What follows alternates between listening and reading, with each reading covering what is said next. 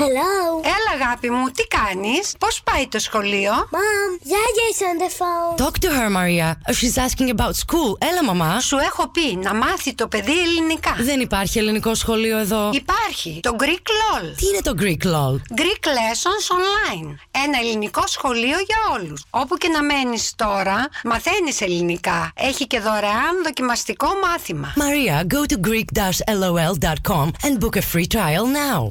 Greek Lessons Online is the biggest Greek online school and the first Greek school coming right to your door. All lessons are delivered by highly qualified native Greek teachers. Open the virtual door of the most popular and innovative online Greek school and book your free trial lesson today at greek-lol.com.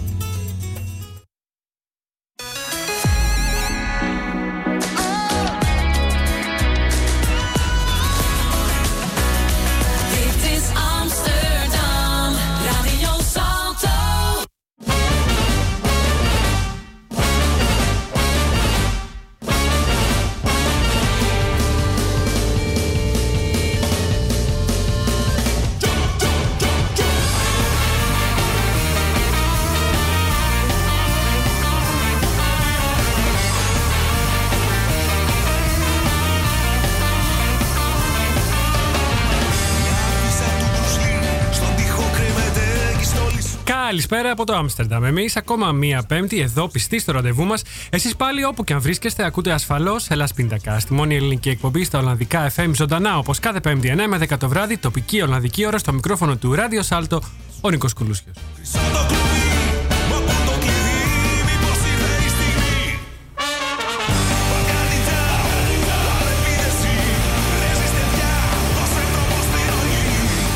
Εκπέμπουμε ζωντανά από το δημοτικό σταθμό του Άμστερνταμ. Υπάρχουν αρκετοί τρόποι για να μας ακούσετε live. Αν πάτε το συμβατικό ραδιόφωνο, αυτό με την κεραία, και βρίσκεστε στο Άμστερνταμ, συντονιστείτε στο ράδιο Σάλτο στους 106,8 των FM. Καλωδιακά μας ακούτε και από το κανάλι 103,3, πάλι και μόνο στην περιοχή του Άμστερνταμ. Ενώ διαδικτυακά μας ακούτε παντού στον κόσμο από το ελάσπιντακά.com, το site μας με ένα κλικ στο κουμπί Listen Now.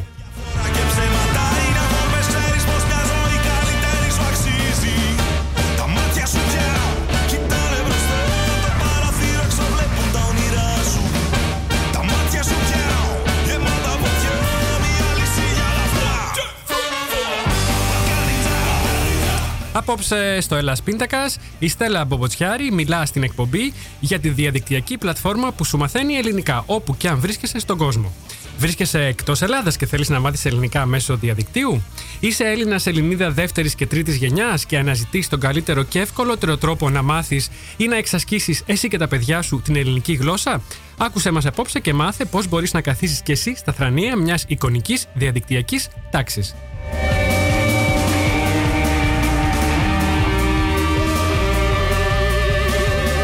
Μείνετε συντονισμένοι στο Ελλάς Πίντακας κάθε πέμπτη στις 9 το βράδυ μας ακούτε από το ράδιο Σάλτο. Θα μας βρείτε και στο site μας elaspindakas.com αλλά και στα κοινωνικά δίκτυα στη σελίδα μας σε Facebook, Twitter και Instagram. Ενώ για να επικοινωνήσετε τώρα μαζί μας ζωντανά μπείτε στη σελίδα του Ελλάς Πίντακας στο Facebook και αποστάρετε το σχόλιο σας ή τις ερωτήσεις σας σαν νέο post στη μέση της σελίδας ή γράψτε μας μέσω Twitter χρησιμοποιώντας το hashtag Ελλάς Πίντακας και hashtag GreekLOL.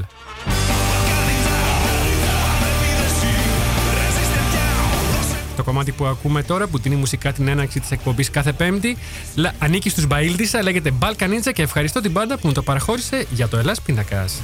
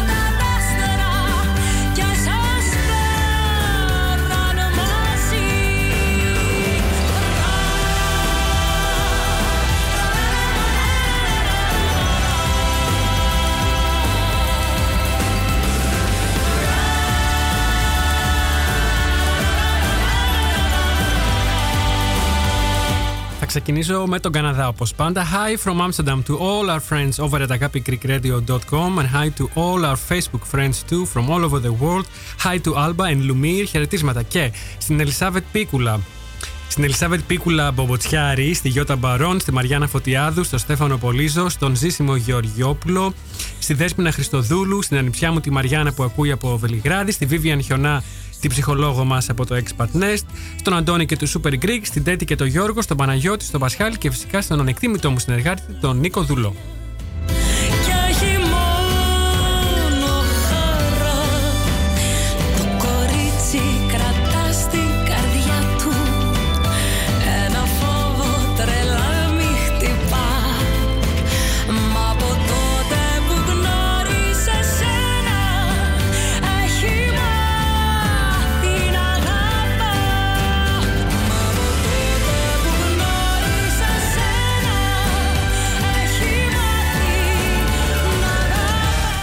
Χαιρετίσματα και στην Κατερίνα Βασιλιάδου, καθώς και σε όλους τους φίλους της ε, Στέλλας που μας κάνανε like μέσα από το Facebook. Είναι πολλοί, θα αναφέρω μερικούς έτσι λίγο συνοπτικά και μόνο τα πρώτα τους ονόματα. Χαιρετίσματα στη Βούλα, στο Θάνο, στην Εύη, στη Μαρία, στον Νίκο, Στη Λίνα, στο Γιάννη, στον Αποστόλη, στη Δήμητρα, στην Έλενα, στο Γιώργο, στην Άνση, στη Μαρία Χατζή, στον Τάσο Γκιόνι.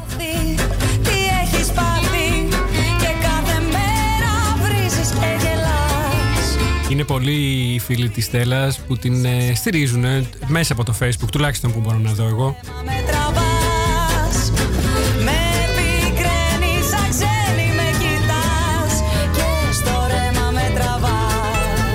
Την στηρίζουν και περιμένουν να ακούσουν την συνέντευξη που έδωσε εδώ στο Ελλάς Πίντακας.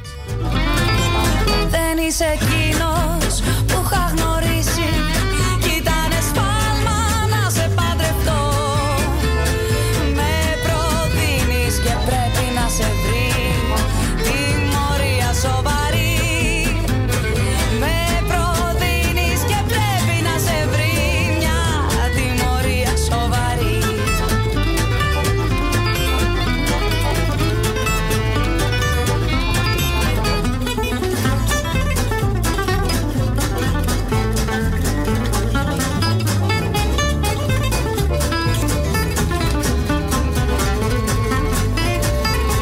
Να σας πω για μία ακόμη φορά για το συμμαχικό, το διαδικτυακό ραδιόφωνο από τον Καναδά, από το Τορόντο, το agapigreekradio.com, ένα ρα- ραδιόφωνο με ελληνική καρδιά και ελληνικές εκπομπές από όλο τον κόσμο. Αναμεταδίδει λοιπόν το agapigreekradio.com και το Ελλάς Πιτακάς μέσω διαδικτύου σε όλο τον πλανήτη. Για όσους είστε στην Ολλανδία, σε κάποια χώρα με την ίδια ώρα με την Ολλανδία και χάνετε το ζωντανό Ελλάς Πιτακάς κάθε πέμπτη βράδυ, μπορείτε να μας ακούτε και από το agapigreekradio.com σε ηχογραφημένη φυσικά αναμετάδοση κάθε μέρα στις 12 το μεσημέρι και στις 9 το βράδυ.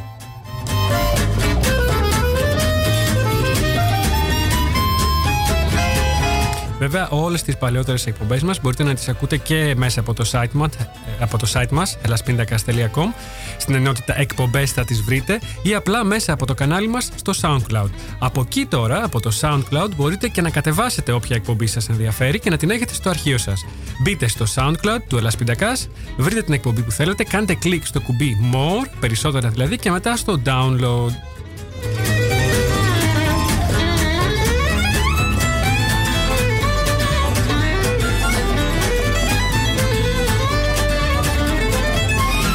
Έχεις αλλάξει, με έχεις κάψει Την προσβολή σου δεν θα τη δεχτώ Τώρα, δύο μικρές ειδισούλε. Οι Τσίπουρο and the Potes, φίλοι της εκπομπής, παίζουν αύριο στις 6 το απόγευμα στο The Aude Creek, στο Leitschedam Forburg.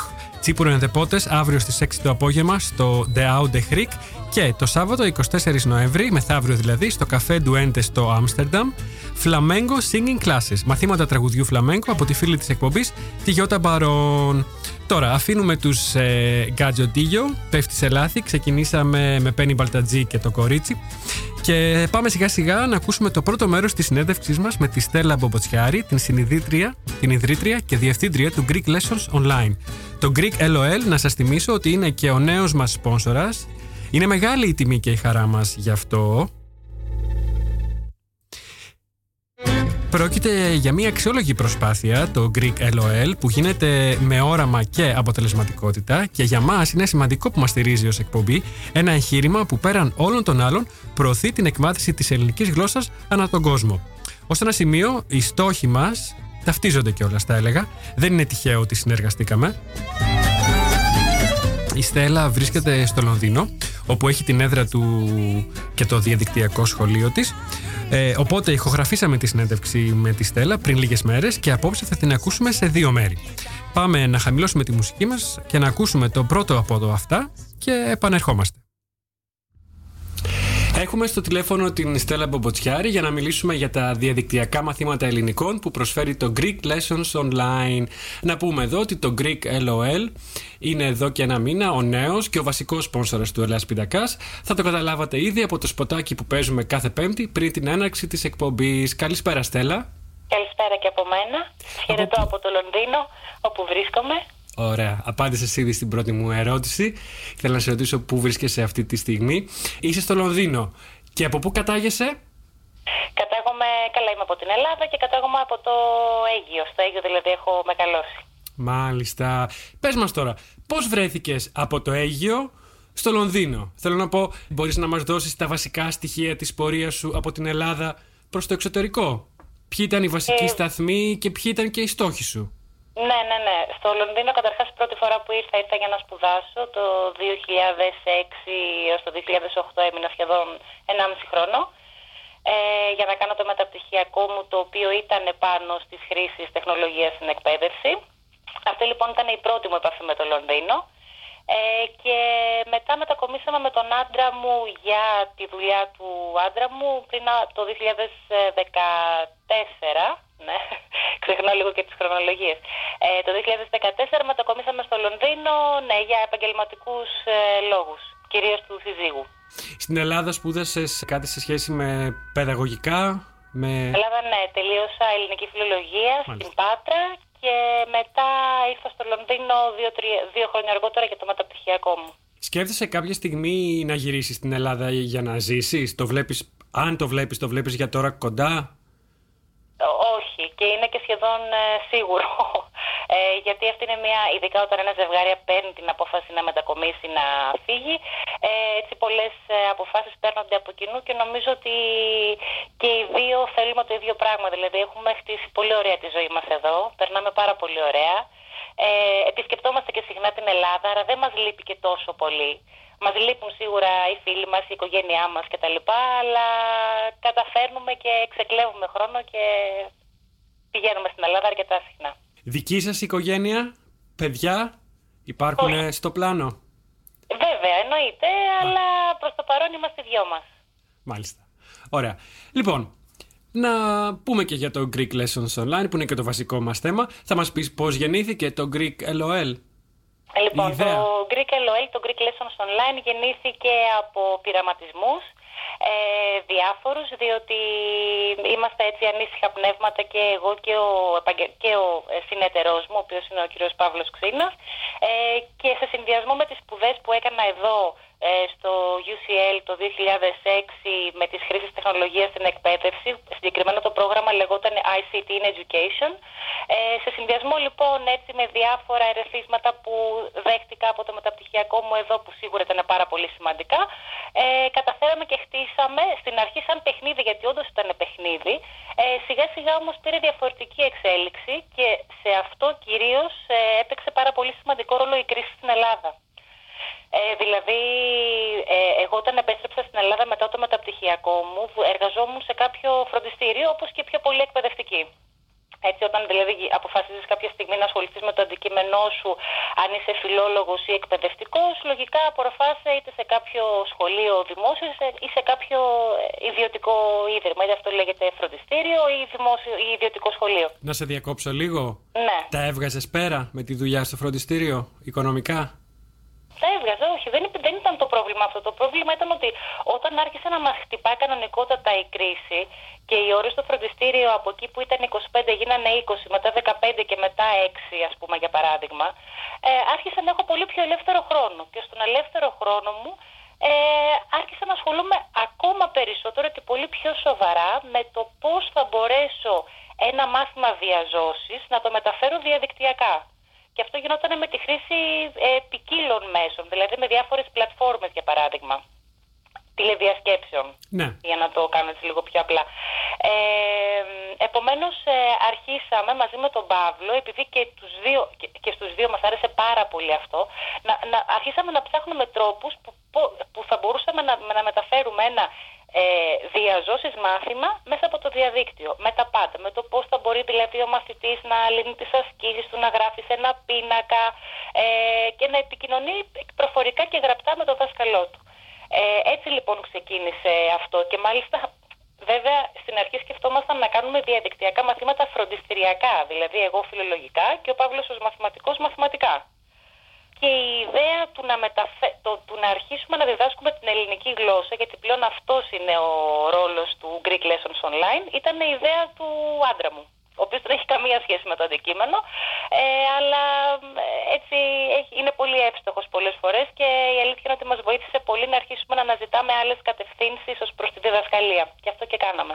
Το τεχνικό κομμάτι της διαχείρισης ενός τέτοιου εγχειρήματος ε, διαδικτυακού, ποιος το έχει αναλάβει; Ο Παύλος ως μαθηματικός και βέβαια που ασχολείται και πάρα πολύ με, τα, με IT και με τεχνολογία κτλ. Είναι ένα εξ ολοκλήρου δικό του κομμάτι μέσα στο Greek Lessons Online. Ε, γιατί είμαστε αρκετά μεγάλη ομάδα, δηλαδή δεν είναι το ότι είμαστε δύο άτομα, αυτή τη στιγμή είμαστε γύρω στα 18 με 20 άτομα. Άλλοι δάσκαλοι, ε, άλλος κόσμος ασχολείται με ε, τεχνολογικά συστήματα, Μάλιστα. ε, με τα γραμματιακά κτλ. Επομένως ε, είναι χωρισμένος, ε, υπάρχουν πολλές αρμοδιότητες και είναι όλες χωρισμένες σε ε, συγκεκριμένους ανθρώπους. Ωραία.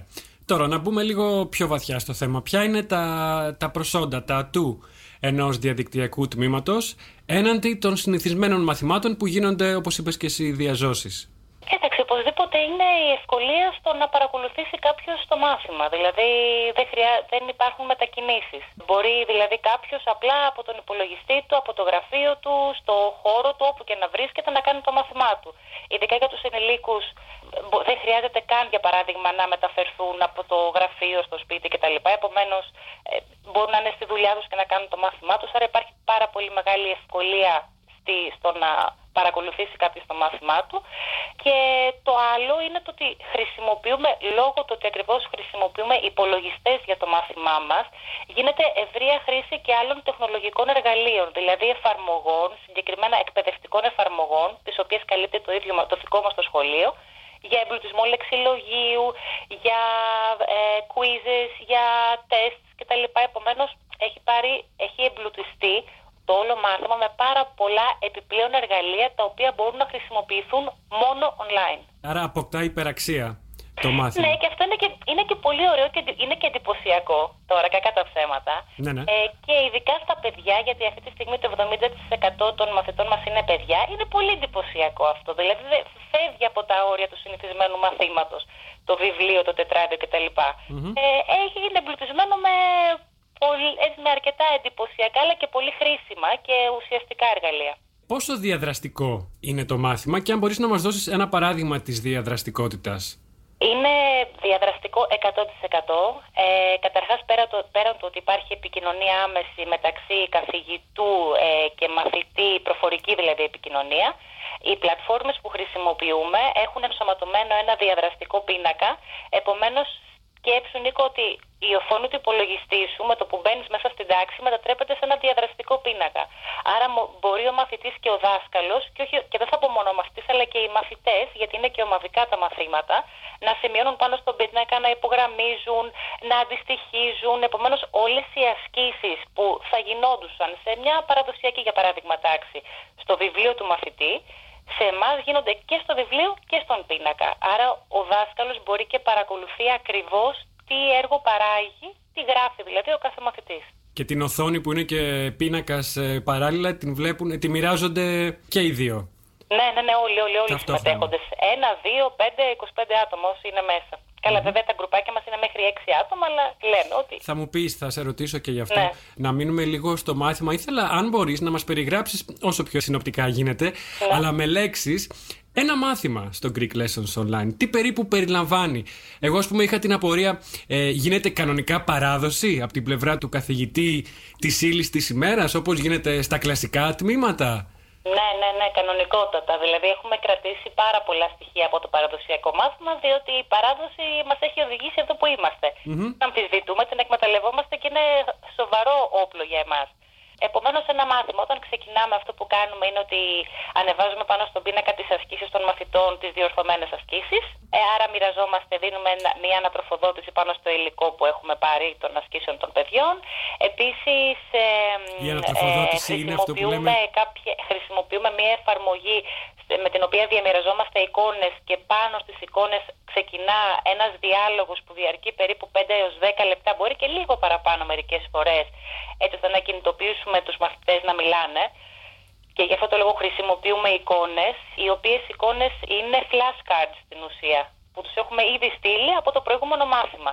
Ε, άρα χρησιμοποιούμε λοιπόν εικόνες και εκεί χτίζουμε ένα διάλογο μετά έχουμε κανονικά την παράδοσή μας, την παράδοση του μαθήματος, δηλαδή θα παραδώσουμε, θα κάνουμε σίγουρα ανάγνωση ενός κειμένου που θα, έχει, που θα είναι είτε διάλογος και ο καθένας θα διαβάζει το δικό του κομμάτι. Εκεί θα γίνει μετά ανάλυση του κειμένου, θα βρω ανάλυση του κειμένου, μην φανταστείς κάποια λογοτεχνική ανάλυση, αλλά να βρούμε τις λέξεις, μένει κάθε λέξη. Μετά μια πολύ μικρή σύντομη θεωρία, ειδικά στα παιδιά, έτσι, σύντομη θεωρία γραμματικής και το τι θα μάθουμε σήμερα στο μάθημα. Θα μάθουμε για παράδειγμα τα ουσιαστικά σε ως και τα λοιπά. Ε, και μετά ακολουθούν άλλα δύο κομμάτια που είναι το ένα είναι τραγούδι, που κάνουμε σίγουρα κάθε φορά ένα τραγουδάκι και πάνω στο τραγούδι χτίζουμε, έχουμε φτιάξει δικό μας υλικό με ασκήσεις και ένα βιντεάκι που μπορεί να είναι είτε καρτούν για τα παιδιά, δηλαδή κάποιο απόσπασμα από κάποιο ελληνικό έτσι, κινούμενο, από κινούμενα σχέδια στα ελληνικά, μπορεί να είναι κάποια σειρά ε, και να έχουμε πάρει ένα διάλογο και πάνω στο διάλογο να έχουμε φτιάξει ασκήσεις. Κάπως έτσι κινούμαστε. Αρκετά πολυμορφικό, θα έλεγα εγώ, το μάθημα; Για διάφορες, για μαθητές ε, ε, που έχουν διαφορετικούς τρόπους εκμάθησης θα έλεγα καλύτερα. Δηλαδή κάποιοι είναι πιο οπτικοί τύποι, κάποιοι ακουστικοί και θέλουμε κάθε φορά να το προσαρμόζουμε στο, ε, στον, στον ίδιο το μαθητή. Δηλαδή είναι πολύ personalized όλο το σύστημα που χρησιμοποιούμε. Τώρα, πόσοι καθηγητές ε, υπάρχουν στην ομάδα σου; Αυτή τη στιγμή νομίζω ότι είμαστε γύρω στους 17. Α, με- μεγάλη ομάδα. Και συνεχώς, ναι, και τώρα ετοιμάζουμε και άλλους. Δηλαδή η ομάδα μας μεγαλώνει, μεγαλώνει σιγά σιγά. Ναι. Οι καθηγητές βρίσκονται στην Ελλάδα ή σε διάφορα μέρη στον κόσμο; Οι καθηγητές βρίσκονται στην Ελλάδα και σε αυτό είμαστε και πάρα πολύ αυστηροί. Δηλαδή θέλουμε να δίνουμε δουλειά σε κόσμο που βρίσκεται στην Ελλάδα γιατί ξέρουμε ότι το βράδυ θα κοιμόμαστε ήσυχοι. Είναι, είναι πολύ ωραίο πράγμα να μπορείς ε, να στηρίζεις τον κόσμο και να μην χρειάζεται να φεύγει από τη χώρα του. Ειδικά σε τέτοια επαγγέλματα όπως είναι εκπαιδευτική που είναι και πάρα πολύ υψηλοί οι δείκτες ανεργίας στη χώρα μας. Καταλαβαίνω και μπράβο σας. Ναι, Κάνεις... στην αρχή, δεν ξεκίνησε έτσι στην αρχή, αλλά μετά καταλάβαμε το πόσο, το, το τι αξία έχει όλο αυτό και είπαμε ότι θα επιμείνουμε. Ανταποκριθήκατε και σε, σε βασικές ανάγκες που υπάρχουν αυτή τη στιγμή στην Ελλάδα, ιδίως στο εργασιακό. Ε, κάνεις, διδάσκεις και εσύ; Εγώ πλέον έχω πάψει να διδάσκω, διότι δεν προλαβαίνω. Όμως είμαι από πίσω και βλέπω όλα τα υπόλοιπα. Είμαι δηλαδή σαν να λέμε στα παρασκήνια. Βλέπω την προετοιμασία των μαθημάτων, βλέπω τα μαθήματα πώς εξελίσσονται. Είμαι συνεχώς σε εγρήγορση, αλλά η ίδια δεν διδάσκω πλέον. Όχι, δυστυχώς. Μου λείπει μερικές φορές για να είμαι ειλικρινής, αλλά και πάλι είναι πολύ δημιουργική όλη αυτή η δουλειά που κάνω. Έτσι, άλλη, άλλη φύση, η συγκεκριμένη έτσι, θέση που έχω, αλλά ναι, πλέον δεν διδάσκω. Τώρα, ποιο είναι το κοινό στο οποίο απευθύνεστε; Το κοινό μας είναι παιδιά και ενήλικοι που μένουν, που βρίσκονται εκτός Ελλάδας. Κάποιοι βρίσκονται βέβαια και εντός Ελλάδας που θέλουν να μάθουν ελληνικά. Ε, μ, ως επιτοπλίστων η αγορά μας, να το πω έτσι και λίγο πιο μαρκετίστικα, είναι Έλληνες πρώτης, δεύτερης και τρίτης γενιάς που βρίσκονται, που βρίσκονται εκτός Ελλάδας.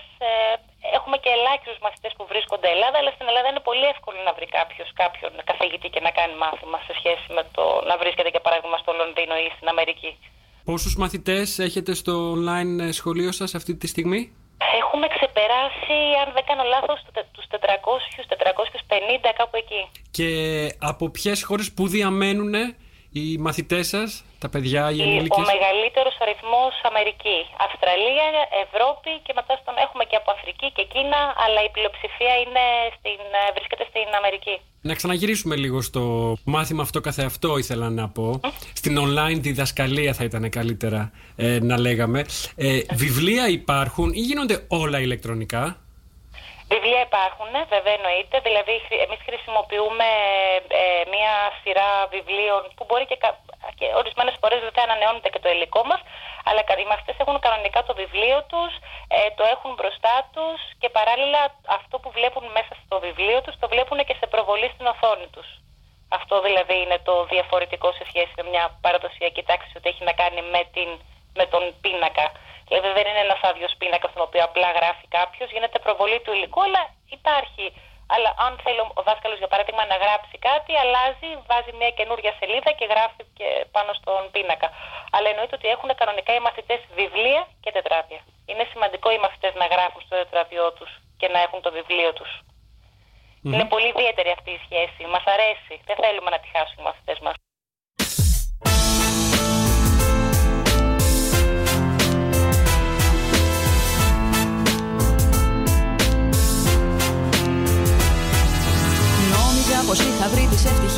Συνταγή και ήμουνα το μόλογο περήφανη πολύ. Είχα βρει σπίτι, σύζυγο, δουλειά στρωμένη και ένα τζιπ στα πεζοδρόμια να ανεβαίνει. Είχα κάνει τη δεξίωση του γάμου σε ένα κτήμα, μα δεν το είχα καταλάβει ότι ήμουνα το θύμα.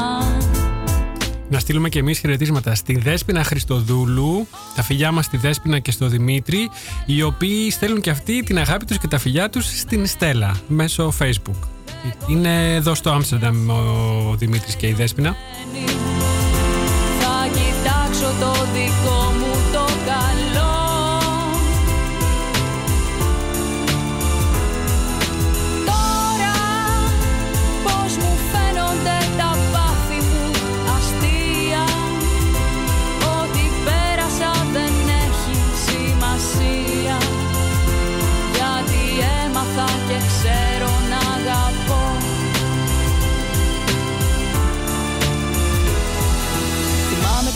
Λοιπόν, στο πρώτο μέρος της συνέντευξης γνωρίσαμε λίγο καλύτερα την ε, Στέλλα Μπομbo- Μπομποτσιάρη ε, με το δύσκολο επίθετο και μάθαμε πώς ξεκίνησε η πλατφόρμα Greek LOL, Greek Lessons Online. Μάθαμε και ποιοι είναι οι βασικοί συνεργάτες της Στέλλας και ποιος ο ρόλος του καθενός. στους καημούς Καλά είμαι και χαίρομαι να τραγουδάω στο ντους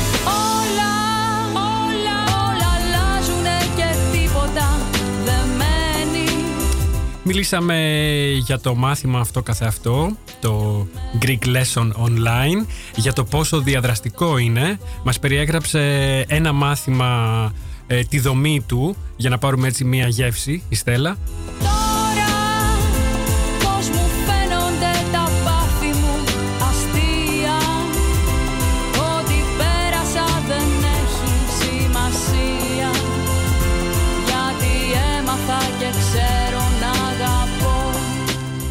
Μας είπε και για τους καθηγητές που έχει στην ομάδα της, η Στέλλα, βρίσκονται στην Ελλάδα όλοι, ανεξαιρέτως. Είναι βασική αρχή της μεθόδου και της φιλοσοφίας της Στέλλας και του Greek Lessons Online και για έναν ακόμη λόγο πέρα των ε, προσόντων των ε, καθηγητών που βρίσκονται στην Ελλάδα ε, γιατί έτσι νιώθει ότι δίνει δουλειά σε πολλούς νέους ανθρώπους, νέους δασκάλους που την έχουν ανάγκη όσο ποτέ άλλοτε στη χώρα με όλα όσα έχουν συμβεί.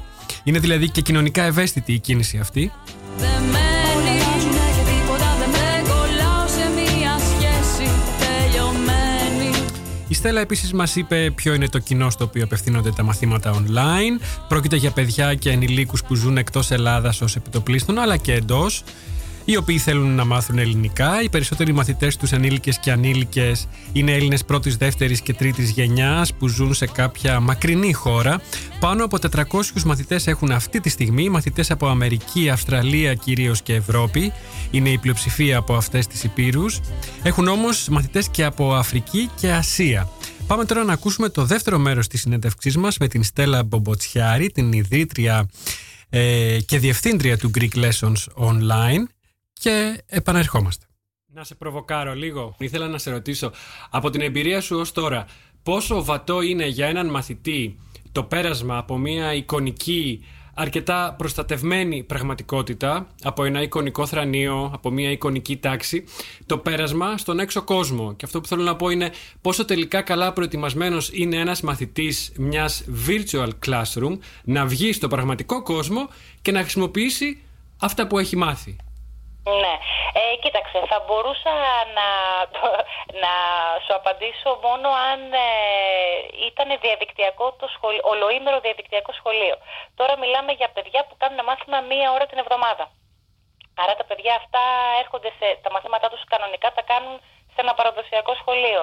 Ε, δηλαδή, αν αναφέρεσαι συγκεκριμένα στο Greek Lessons Online, αυτό δεν είναι κάτι που αφορά τους δικούς μας μαθητές, διότι δεν είναι ένα ολοήμερο σχολείο διαδικτυακό. Ε, Παρ' όλα αυτά όμως, σε περίπτωση που ήταν, είναι πάρα πολύ σημαντικό τα παιδιά να, να κοινωνικοποιούνται, Νίκο, οπωσδήποτε. Δηλαδή, δεν θέλουμε τα παιδιά να απομονώνονται, δεν θέλουμε σε καμία περίπτωση και ειδικά με την, με την εξέλιξη και με την τροπή που έχει πάρει σήμερα η τεχνολογία, θέλουμε να την χρησιμοποιούμε προς όφελός μας, όχι να μας απορροφά και να χάνουμε χρόνο. Γιατί πολλές φορές ε, την τεχνολογία την έχουμε στο μυαλό μας ότι είναι, για παράδειγμα, ένα εργαλείο διασκέδασης. Και όντως είναι. Δηλαδή, θα μπω μέσα στα social media, θα δω μια ταινία, με απορροφά αυτό και χάνω το χρόνο μου. Εμείς αυτό που θέλουμε είναι ο μαθητής να αξιοποιήσει το τεχνολογικό αυτό μέσο, να κάνει το μάθημά του και μετά να το κλείσει και να συνεχίσει πίσω σε μια, στην, στην, στην πραγματικότητα αυτή που, αυτή, αυτή που γνωρίζουμε, που έχουμε μάθει όλοι σαν παιδιά, τουλάχιστον τη δικής μας γενιάς. Γιατί τώρα οι νέες γενιές είναι πιο πολύ απορροφημένες ε, στα, ε, στα iPads και στη, τέλος πάντων ε, στα, στα tablets και στα κινητά. Άρα ακόμα και στο Greek Lessons Online για παράδειγμα που είναι ένα διαδικτυακό σχολείο ελληνικών το οποίο, στο οποίο οι πιο πολλοί μαθητές κάνουν μία ώρα την εβδομάδα μάθημα. Προσπαθούμε ακόμα ενώ είμαστε διαδικτυακό σχολείο, να κάνουμε και ενέργειες που θα φέρουν τους μαθητές μας κοντά έξω από την οθόνη του υπολογιστή. Για παράδειγμα, ε, οργανώνουμε κατασκήνωση το καλοκαίρι στην Ελλάδα και προσκαλούμε τους μαθητές μας να γνωριστούν μεταξύ τους και να, ε, να γνωρίσουν ένας τον άλλον, να γνωρίσουν τους δασκάλους τους, τους καθηγητές τους. Ε, δηλαδή, είναι πολύ σημαντικό αυτό που είπες και είμαι πολύ πολύ θερμή οπαδός του face-to-face σε δραστηριότητες. Η τεχνολογία είναι γι' αυτό ακριβώς που είναι να τη χρησιμοποιούμε, όχι για παραπέρα πράγματα.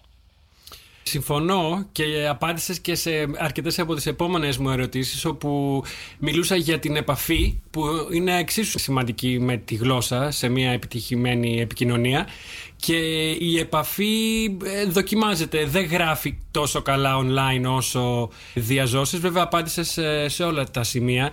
Ήθελα να σε ρωτήσω πάνω σε αυτό το θέμα σε αυτό το πνεύμα ήθελα να μείνουμε και να το δούμε λίγο σε βάθος χρόνου. Τι θα έλεγες αν σε λίγα χρόνια τη δουλειά σου, τη δουλειά σας online, την έκανε ένα ρομπότ; Θέλω να πω... Έκανε ένα ρομπότ, πώς, ε, δεν ξέρω, τι να σου πω. Δηλαδή αν ο δάσκαλος... Ένα avatar στην ουσία. Αν ο δάσκαλος ήταν ένα avatar.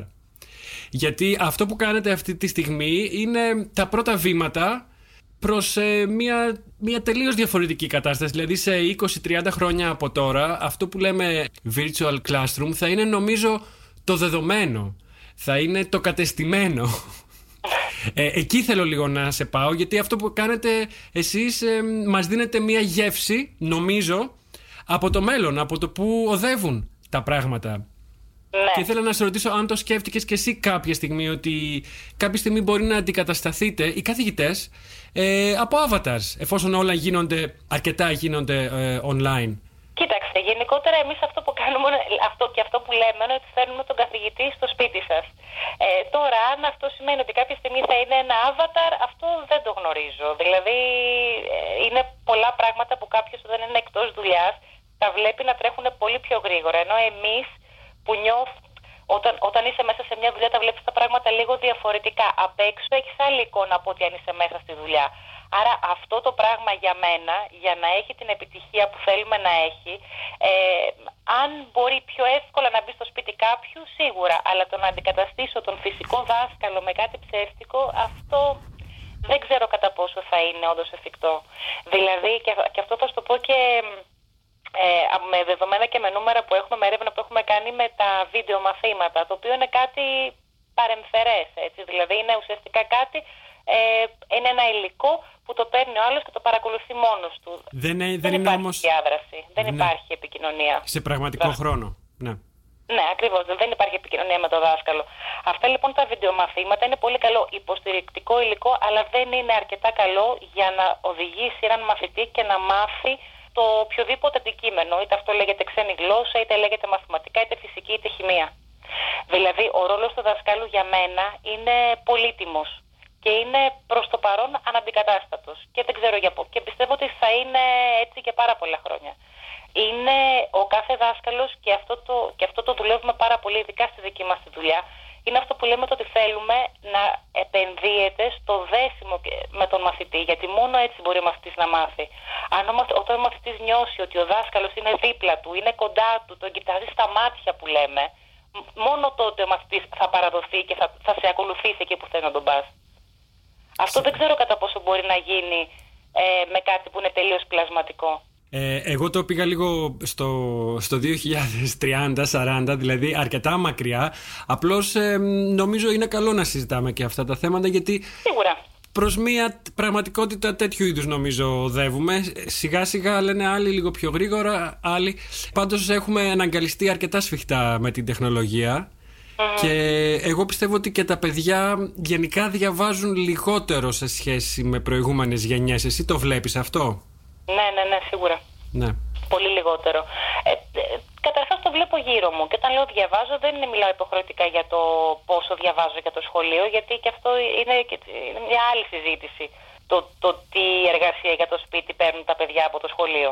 Δηλαδή, βλέπουμε άλλα, ας πούμε, στο σκανδιναβικό ας πούμε, σύστημα, για παράδειγμα, ε, δεν υπάρχει καν homework για το, για το σπίτι. Επομένως, και αυτό είναι μια άλλη συζήτηση. Αλλά γενικά το ότι διαβάζουν λιγότερο, βέβαια είναι το ότι διαβάζουν λιγότερο, αφού η εικόνα είναι αυτά που τα τραβάει και τους δίνουμε τόση εικόνα και τόσο βίντεο που δεν μένει χρόνος για να διαβάσουν. Εσείς, Θα το βε- τραβήξει το πιο, το πιο εντυπωσιακό. Εσύ, Εννοείται. εσείς βέβαια όπως είπες και πριν συνδυάζετε και τα δύο και την ε, Ναι, ναι, ναι. κλασική μορφή με τα βιβλία και την μοντέρνα μορφή με την Οπωσδήποτε, τεχνολογία. οπωσδήποτε. Αλλά τώρα, για αυτό που είπες για το διάβασμα, δεν σκεφτόμουν αποκλειστικά το, το Greek Lessons Online. Ναι, ναι. Γενικότερα το, το, το ότι το καλοκαίρι, εγώ όταν ήμουν παιδί, Νίκο, θυμάμαι να παίρνω ένα βιβλίο και διάβαζα. Τώρα βλέπεις τα παιδιά και είναι με ένα ε, τάμπλετ στο χέρι. Με Ποιο ένα κινητό. καλοκαίρι; Ε, Για καφέ, παιδεύουνε. βγαίνει, για καφέ βγαίνει ο κόσμος και είναι με το κινητό στο χέρι. Α, άστο αυτό. Τώρα ε, σου μιλάω για τα παιδιά που δεν βγαίνουν ακόμα Ναι, για ναι. καφέ. Μετά Ναι, ναι, ναι, ναι. είναι μόνο. ναι. Να γυρίσουμε λίγο στα μαθήματα.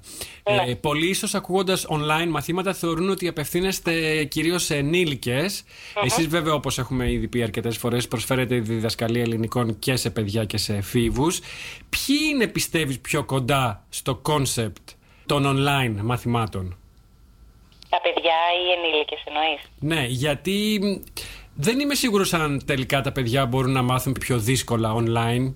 Γιατί πιστεύω ότι έχουν ε, ε, καλύτερο know-how από τους ενήλικες σε ό,τι αφορά την τεχνολογία και το Πάρα διαδίκτυο. πολύ εύκολα τα παιδιά. Πάρα πολύ εύκολα.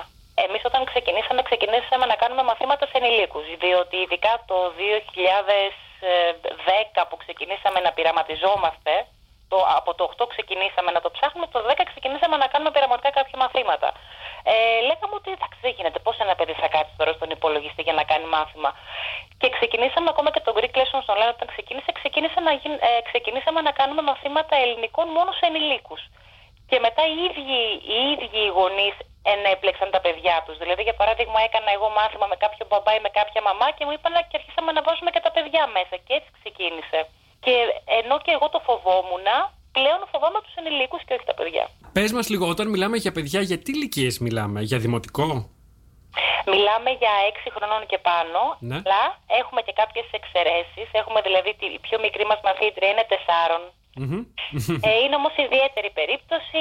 Κάνουμε βέβαια πολύ λιγότερη ώρα όταν το παιδάκι είναι, όταν το παιδάκι είναι τόσο μικρό. Δηλαδή κάνουμε μισά ώρα. Μάλιστα. 20 λεπτά με μισή ώρα.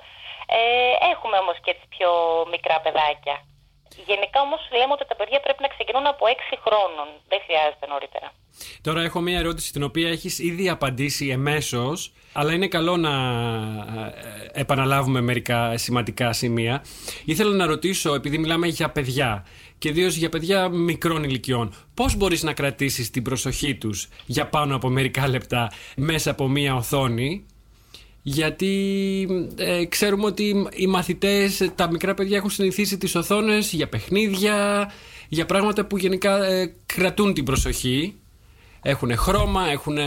Πες μας πώς μπορείς εσύ μέσω των μαθημάτων που παραδίδεις να κρατήσεις την προσοχή τους πάνω σε μία οθόνη για 30 λεπτά που είπες πριν.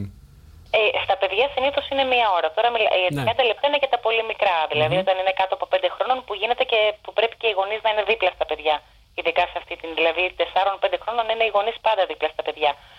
Τώρα, σε όλα τα υπόλοιπα η προσοχή των παιδιών είναι τεταμένη. Ε, Και εδώ έχουμε, νο- νομίζω, είναι δύο πράγματα που πρέπει να αναφέρω εδώ. Το ένα είναι σίγουρα τα εργαλεία που χρησιμοποιούμε και ο σχεδιασμός του μαθήματος. Δηλαδή, είναι συνεχώς αλλάζει. Δεν είναι το ίδιο πράγμα συνεχώς πάνω στην οθόνη που το παιδί να βαριέται, να το κουράζει. Δεν παρακολουθεί παθητικά. Συνεχώς κάνει κάτι. Πρέπει να υπογραμμίσει, πρέπει να γράψει, πρέπει να αντιστοιχίσει, πρέπει να γράψει σωστό λάθος. Να κάνει ένα quiz μαζί με τον συμμαθητή του, μόνος του, να μιλήσει, να, πάρει, με- να παίξει. Δηλαδή, έχουμε ένα παιχνίδι. Θα παίξουμε κρεμάλα, θα παίξουμε ε, δύο αλήθειες και ένα ψέμα. Έτσι, διάφορα παιχνίδια. Άρα, συνεχώς υπάρχει μια ροή στο μάθημα που δεν τα αφήνει να χαλαρώσουν. Δηλαδή, το παιδί είναι με, κάθεται στην οθόνη του υπολογιστή με ίσια την πλάτη. Άμα μόλις δούμε το παιδί και αρχίζει και χαλαρώνει πίσω για να ξέρεις, για να αράξει πίσω στην καρέκλα που λέμε, εκεί θέλει εγρήγορση. Ναι. Επομένως, συνεχώς κάνουμε πράγματα και το άλλο είναι το ότι αυτό που είπα και νωρίτερα είναι το ότι ε, η, δάσκα, η μαεστρία του δασκάλου είναι αυτή ακριβώς. Το να νιώσει, να αντιληφθεί τι θέλει το παιδί εκείνη την ώρα για να μην φύγει το μυαλό του. Και νομίζω ότι, και όχι και νομίζω, αυτό το δουλεύουμε πάρα πολύ. Και, είναι και δεν είναι και εύκολο διαδικτυακά, αλλά νομίζω ότι ένας δάσκαλος που είναι προσιλωμένος και ο μαθητής ξέρει πότε ο δάσκαλος τον κοιτάζει και τον παρατηρεί και πότε είναι αφηρημένος, τα παιδιά είναι πανέξυπνα, ε, ακολουθούν το δάσκαλό τους εκεί που, το, εκεί που τα πηγαίνει. Δηλαδή είναι, για μας τα παιδιά είναι δύσκολα μόνο σε περιπτώσεις που βλέπουμε ότι πραγματικά είναι δύσκολο να καθίσουν στην καρέκλα. Δηλαδή εκεί είναι θέμα το παιδί. Ε, δε- Πέρα από αυτό όμως ένα, ένα παιδί που είναι, και αυτά είναι πολύ μικρά, δηλαδή όταν, όταν ένα παιδάκι είναι τριών, τεσσάρων, πέντε, είναι δύσκολο, δεν μπορεί να καθίσει σε μια καρέκλα και να παρακολουθήσει ένα μάθημα για μία ώρα. Και, έχουν, και έχουμε γονείς που μας λένε ότι σας παρακαλώ ας πούμε, να ξεκινήσουν όσο πιο νωρίς γίνεται, αλλά βλέπουμε ότι θα δυσκολευτεί. Επομένως, ένα παιδί που είναι 6 χρονών και πάνω είναι έτσι σχεδιασμένο το μάθημα που να, που να το κάνει να περνάει καλά. Γιατί αυτό θέλουμε, Νίκο. Θέλουμε οι μαθητές μας να περνάνε καλά. Φυσικά. Να μαθαίνουν και να περνάνε μία ώρα ευχάριστα και να μαθαίνουν ελληνικά όσο πιο ωραία και γλυκά γίνεται.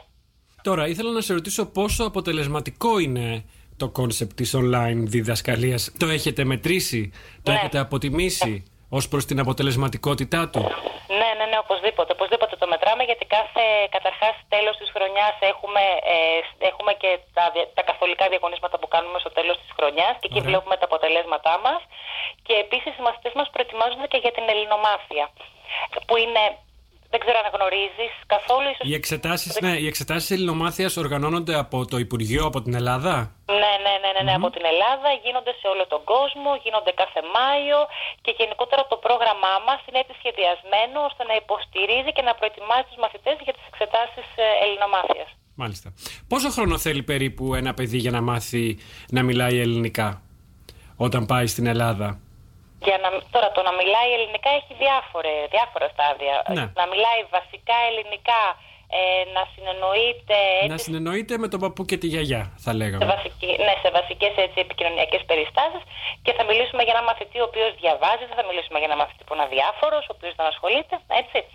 Ε, κάνει κανονικά το μάθημά του μέσα σε, από το, καταρχάς, ε, εγώ θα σου πω από αυτά που παίρνω και από το, feedback, από το feedback που παίρνω από τους γονείς, από τους ίδιους τους γονείς. Ναι. Δηλαδή, πολλές φορές πηγαίνουν για παράδειγμα στην Ελλάδα και μου λένε Α, φέτος, για παράδειγμα, ο Γιωργάκης ήταν πολύ καλύτερα γιατί καταλάβαινε τι του έλεγε η γιαγιά του, ας πούμε. Έτσι, τέτοια πράγματα. Από τον πρώτο λοιπόν κιόλας, από τον πρώτο κιόλας χρόνο που κάνουν τα παιδιά ελληνικά αρχίζουν και καταλαβαίνουν περισσότερα. Από το δεύτερο χρόνο αρχίζουν και μιλάνε λίγο και μετά από τον τρίτο χρόνο είναι ακόμα καλύτερα. Δηλαδή, πιστε... όχι πιστεύω, ε, γενικότερα με τον σχεδιασμό και με το πρόγραμμα που ακολουθούμε εμείς ή οποιοδήποτε έμπειρος δάσκαλος, μέσα σε 5-6 χρόνια που το παιδί κάνει συστηματικά μαθήματα ελληνικών, φτάνει σε ένα αρκετά ικανοποιητικό ε, επίπεδο επικοινωνίας. Και όταν έχουμε να κάνουμε με μια πλούσια γλώσσα και δύσκολη, όπως ε, αρκετοί θεωρούν ότι είναι η ελληνική, το σύστημα αυτό βοηθά; Ε, το Online. σύστημα αυτό εννοείς ε, το Online. διδακτικό ή το τεχνολογικό; Online, το ότι είσαι στο διαδίκτυο. Οπωσδήποτε και ε, η ελληνική γλώσσα και κάθε γλώσσα. για- Δεν υπάρχει. και η αγγλική γλώσσα είναι πολύ πλούσια γλώσσα, για παράδειγμα έτσι. Ε, και η ελληνική γλώσσα το ίδιο. Δεν, δεν, δεν τελειώνει ποτέ. Δηλαδή, συνεχώς μαθαίνεις. Δεν θα φτάσεις ποτέ σε κάποιο επίπεδο. Ακόμα και εμείς.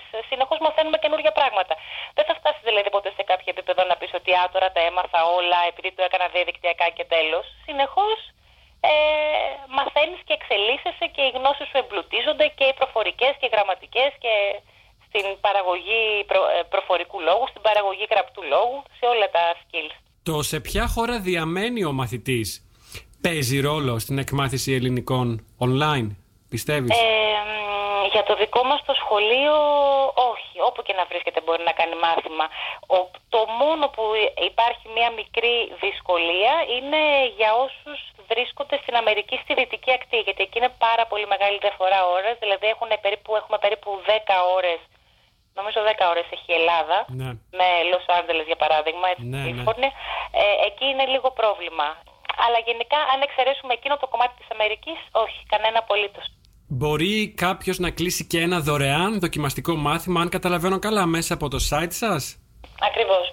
Ποιο είναι το site, να το πούμε, να ακουστεί; Είναι greekpavlalol.com greek-lol.com Ωραία, και τρόποι επικοινωνίας μαζί σας είναι μέσα από το site; Έχετε και Μέσα από- Facebook. μέσα από το site μπορείτε, ό, όποιος ενδιαφέρεται μπορεί να κάνει αίτηση για ένα δωρεάν δοκιμαστικό μάθημα, το οποίο είναι και ο καλύτερος τρόπος για να δει ένας μαθητής πώς γίνεται το μάθημα, να γνωρίσει τη δασκάλα, να κάνει ερωτήσεις ο ίδιος ή ο γονιός για διάφορες απορίες που υπάρχουν και επίσης πέρα από, το, πέρα από τη χρήση υλικού και τη διάδραση που θα γίνει στο δοκιμαστικό μάθημα, στο τέλος γίνεται και μια μίνι παρουσίαση, μια μικρή παρουσίαση του σχολείου μας για να γνωρίσει ο κάθε μαθητής και οι γονείς φυσικά τι είναι το Greek Lessons Online και τι προσφέρει και πώς λειτουργεί. Όλα Όμορφα. μαζί δηλαδή. Έχω 10 multiple choice ερωτήσεις. Ναι. Το κάνουμε σε κάθε εκπομπή αυτό, Ναι. ιδίως τον τελευταίο καιρό. Είναι κάτι σαν ένα mini τεστ προσωπικότητας δικής μου έμπνευσης. Θέλω να μου πεις Μου, να, θα μου να- πεις και τα αποτελέσματα μετά. Δεν υπάρχουν αποτελέσματα. Δεν είναι κανονικό τεστ. Α, εντάξει. είναι κατεφημισμόν τεστ. Θέλω να μου πεις, θα σου δίνω δύο έννοιες, δύο λέξεις Ναι. και θέλω να πεις ποια από τις δύο είναι πιο κοντά σε σένα. Ας πούμε, η πρώτη ερώτηση, διαδίκτυο ή βιβλίο; Διαδίκτυο. Ωραία. Δεύτερη, Instagram ή Facebook; Facebook. Προφορικά ή γραπτά; Προφορικά. Δημόσιο ή ιδιωτικό σχολείο; Ιδιωτικό. Καφές ή τσάι; Τάι. Τηλεόραση ή ραδιόφωνο; Ραδιόφωνο. Τέχνες ή επιστήμες; Τέχνες. Οικολογία ή τεχνολογία; Οικολογία. Χωριό ή πόλη; Χωριό. Αεροπλάνο ή τρένο; Τρένο. Υπηρετική Ευρώπη ή Μεγάλη Βρετανία; Υπηρετική Ευρώπη. Και η τελευταία ερώτηση, Αθήνα ή Λονδίνο; Αθήνα θα πω. Αλήθεια. Δεν το περίμενα. Ε, κάθε φορά Γιατί που δεν είμαι είσαι στην και Αθηνά; Πολλές Γι' φορές το λέω και στον άντρα μου. Λέω πραγματικά πιστεύω ότι σε αυτή την πόλη κάποια στιγμή θα ζήσουμε. Δεν ξέρω, μπορεί να μην συμβεί ποτέ. Μάλλον δεν θα συμβεί ποτέ, αλλά Όταν πάντα γίνει- περνάω τόσο ωραία στην Αθήνα ε, που ναι, μάλλον είναι, δεν ξέρω, αποθυμένο. Όταν γίνει λίγο περισσότερο πράσινη ίσως. Ε; Ε, ναι. Είναι και αυτό το ότι σου λείπει. Νιώθεις ότι το, Λο- στο Λονδίνο, ας πούμε, έχω ζήσει, ζω. Είναι αυτό που μάλλον σου λείπει. Δεν ξέρω. Αυτό που δεν έχεις. Σωστά. Σε ευχαριστώ πάρα πολύ Στέλλα για την άκρως ενδιαφέρουσα αυτή η συνομιλία μας. Σε περιμένουμε και στο στούντιο του Ελλάς Πιτακάς όταν έρθεις στο Άμστερνταμ με το καλό. Αμέ, φυσικά και εγώ ευχαριστώ πάρα πολύ για αυτή την ευκαιρία. Είναι πάρα πολύ μεγάλο δώρο για μας να μπορούμε να μιλάμε για τη δουλειά μας και για το έργο μας. Θεωρώ πραγματικά ότι είναι... Σε ευχαριστώ πάρα πολύ δηλαδή για την ευκαιρία αυτή. Χαρά μου. Καλή συνέχεια, καλά μαθήματα και καλή πρόοδο στους μαθητές σας. Ευχαριστούμε πάρα πολύ. Να είσαι καλά. Γεια χαρά. Γεια χαρά.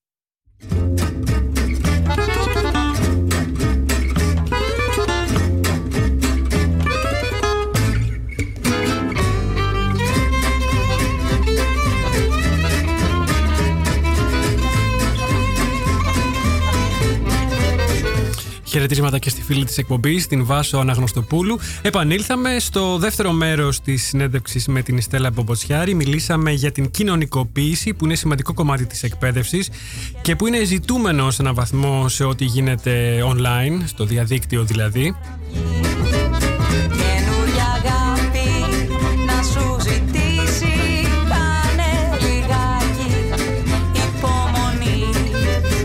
Μάθαμε ότι στο Greek LOL οργανώνουν και κατασκήνωση το καλοκαίρι για τους νεαρούς μαθητές και τις νεαρές μαθητρίες τους. Σημαντικό και αυτό. Κάναμε και αναφορές στην τεχνολογία. Έδεσα στη Στέλλα το θέμα ότι στο μέλλον θα γίνονται όλα online. Το φιλοσοφήσαμε αρκετά προς το τέλος. Θα αντικατασταθούν, για παράδειγμα, ρώτησα τη Στέλλα, οι δάσκαλοι από avatars τεχνητής νοημοσύνης. Διώξε τα σύννεφα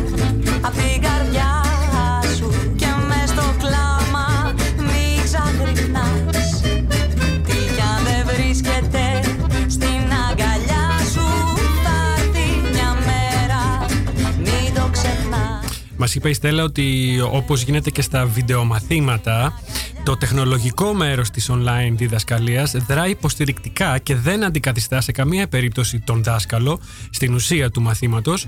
Ο δάσκαλος προς το παρόν είναι αναντικατάστατος, είπε η Στέλλα. Τώρα αν ε, το μέλλον ε, στο μέλλον η τεχνητή νοημοσύνη αλλάξει άρδιν τα δεδομένα θα το ξαναδούμε. Επίσης κάναμε τη διαπίστωση ότι τα παιδιά διαβάζουν λιγότερο με τη τεχνολογία και την εικόνα που κυριαρχεί παντού.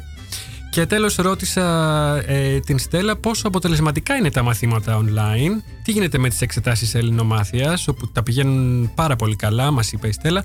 Πόσο χρόνο χρειάζεται για να μάθει κάποιος ε, τελικά ελληνικά online, ρώτησα τη Στέλλα. Ε, επίσης ρώτησα αν η ελληνική γλώσσα που είναι αρκετά δύσκολη και πολυπλούσια ε, μαθαίνεται online και πώς γίνεται αυτό. Και τέλος μιλήσαμε για ε, τις ευκαιρίες που δίνουν μέσα από το site τους. Μπορείτε να μπείτε και να κλείσετε ένα δοκιμαστικό μάθημα για να γνωρίσετε έτσι λίγο από πιο κοντά ε, το πώς κάνουν ε, τη διδασκαλία online στο Greek LOL.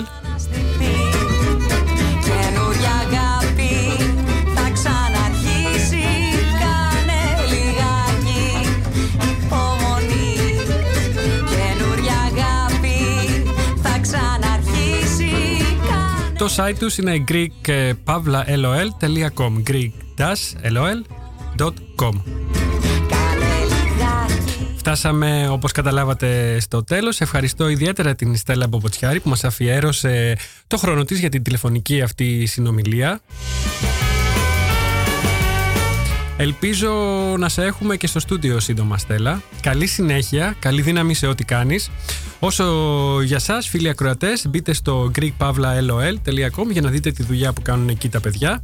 Αμέσως τώρα ακολουθεί η εκπομπή Finger Popping Soul εδώ στο Radio Salto. Θέα μου Μ' όλα τα άγια τα ναυάγια και τα ωραία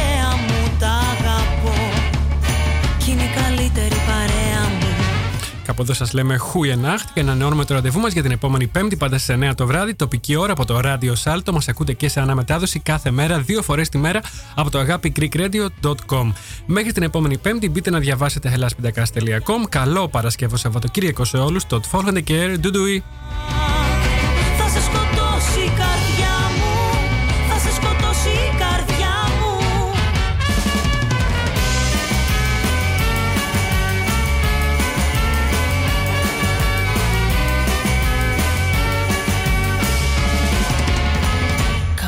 Κάπου άφησα τα ένστικτα, τα άγρια Και μου την έφερες περίτρανα απ' τα πλάγια. Και τέλος πάντων για να μη σου τα μακρηγορώ Δεν με τρομάζει η μοναξιά μα μέσα μου απορώ αν ήσουνα Αποθυμένο ή της ζωής γραφτό. Με ένα τραγούδι παλιακό Για συντροφιά μου και ποτό. Ως το πρωί θα σε σκοτώσει